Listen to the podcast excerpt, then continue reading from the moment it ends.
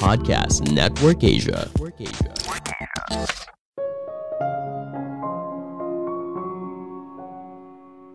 Halo semuanya, nama saya Michael. Selamat datang di podcast saya, Sikutu Buku. Kali ini saya akan bahas Yvonne Chouinard, pemilik perusahaan peralatan dan pakaian rekreasi alam bernama Patagonia. Beberapa waktu lalu, Yvonne sempat viral karena mendonasikan 98% saham perusahaannya untuk yayasan amal dengan nilai sekitar 42 triliun rupiah. Yvonne mengklaim bahwa keuntungan perusahaan dengan nilai sekitar 1,5 triliun rupiah akan disumbangkan untuk pencegahan perubahan iklim. Nah, yang bikin kaget bukan hanya sumbangannya, tapi cara konglomerat ini menyumbang. Jadi, dia menyumbang hartanya melalui format organisasi yang bisa mengalokasikan dananya untuk kegiatan politik. Ditambah lagi, sumbangannya bebas dari pajak hadiah. Cara ini yang membuat banyak orang jadi khawatir karena mereka merasa kalau kebijakan politik bisa dibentuk melalui dukungan uang. Sebelum kita mulai, buat kalian yang mau support podcast ini agar terus berkarya, caranya gampang banget.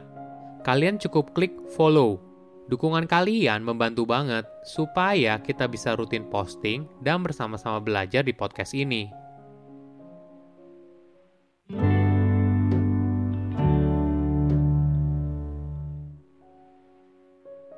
Yvonne Chouinard adalah pengusaha asal Amerika Serikat. Dia merupakan pendiri dari perusahaan pakaian dan peralatan rekreasi alam bernama Patagonia. Yvonne boleh dibilang bukanlah konglomerat pada umumnya.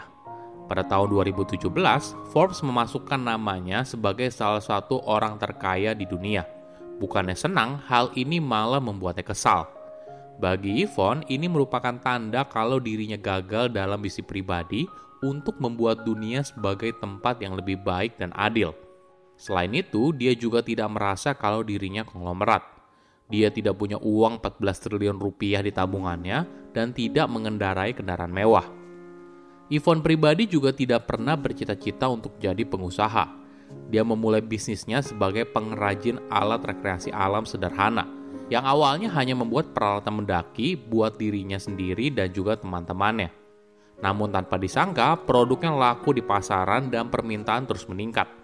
Bisnisnya pun terus berkembang dari peralatan rekreasi alam, kemudian berkembang menjadi jual pakaian untuk rekreasi alam. Bagi Yvonne, tugasnya sebagai pengusaha bukanlah hanya sebagai pebisnis yang menguruk keuntungan sebanyak-banyaknya, tapi dirinya merasa terpanggil untuk memberikan kontribusi lebih pada alam. Tentunya, selama beberapa dekade terakhir, kita melihat dampak dari perubahan iklim dan kerusakan alam. Sedikit banyaknya, manusia punya andil yang besar. Inilah yang akhirnya mendorong Yvonne membuat keputusan beberapa waktu lalu, yaitu mendonasikan 98% saham perusahaannya.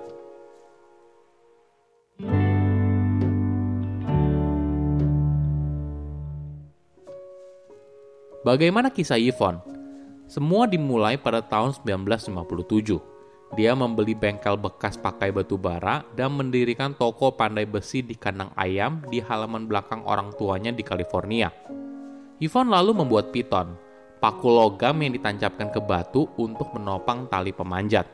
Tanpa disangka, produknya populer dan laku keras.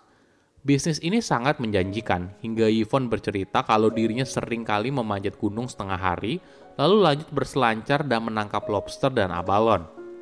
Pada tahun 1970, Yvonne membeli sebuah kaos rugby untuk panjat tebing dan ternyata sangat membantu untuk membawa berbagai perlengkapan mendaki. Ketika kembali ke Amerika Serikat, teman-teman pendakinya tertarik dan bertanya di mana mereka bisa membeli kaos serupa.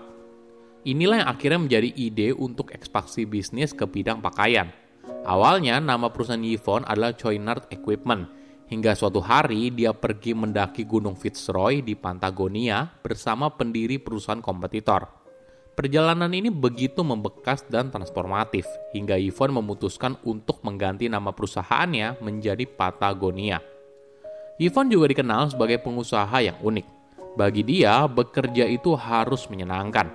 Setiap orang bebas menggunakan pakaian apa pun ke kantor, bahkan telanjang kaki sekalipun. Jauh sebelum pandemi, perusahaan Yvonne sudah lebih dahulu menerapkan flexible working. Bagi Yvonne, tidak peduli kapan karyawannya bekerja, asalkan pekerjaannya selesai. Dia menggambarkan seperti ini. Jika karyawannya adalah seorang berselancar, maka apabila mereka ingin berselancar di hari kerja jam 2 siang, ya nggak apa-apa, asalkan dia sudah menunaikan tanggung jawabnya dalam bekerja. Keputusan Yvonne untuk mendonasikan 98% saham perusahaannya demi kampanye perubahan iklim tidak terjadi dalam semalam. Selama puluhan tahun, perusahaan miliknya rutin mengalokasikan 1% dari penjualannya untuk menyelamatkan lingkungan. Wajar saja semua berakar pada kecintaannya pada gunung, laut, dan alam bebas.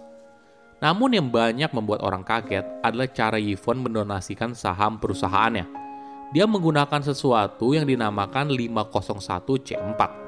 Sebagai informasi, 501C4 adalah sebuah organisasi kesejahteraan sosial, seperti lembaga amal tapi tidak juga.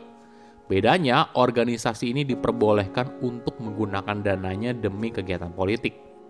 Di masa lalu, 501C4 sempat menarik berbagai perhatian.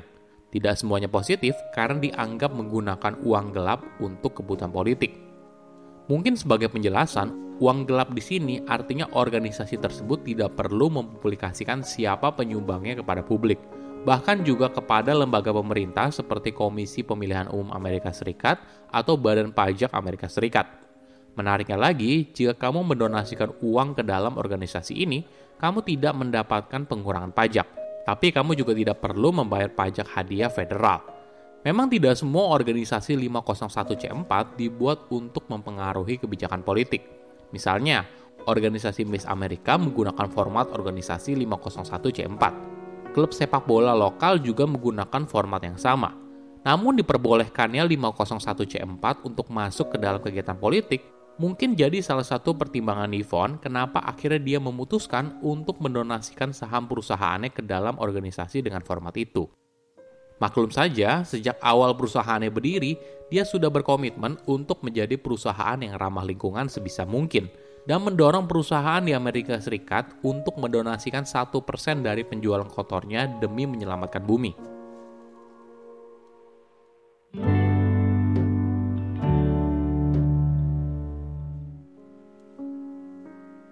Saat ini, Yvonne mendonasikan 98% saham perusahaannya kepada sebuah organisasi yang baru dibentuk dalam format 501C4 bernama Hold Fast Collective.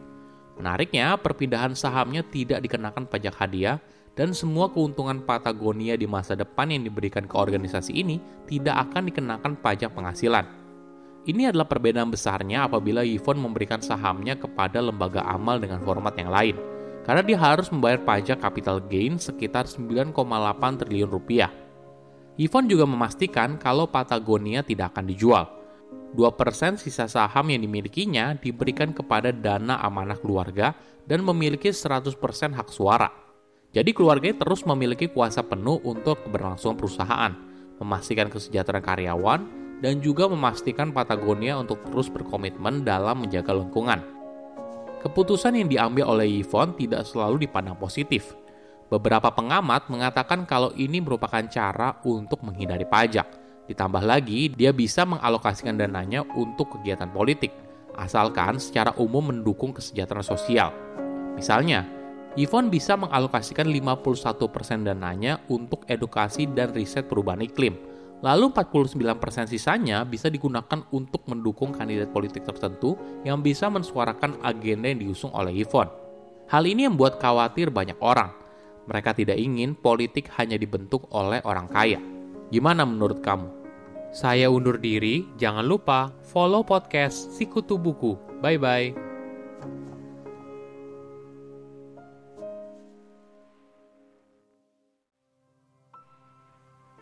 Pandangan dan opini yang disampaikan oleh kreator podcast, host, dan tamu tidak mencerminkan kebijakan resmi dan bagian dari podcast Network Asia.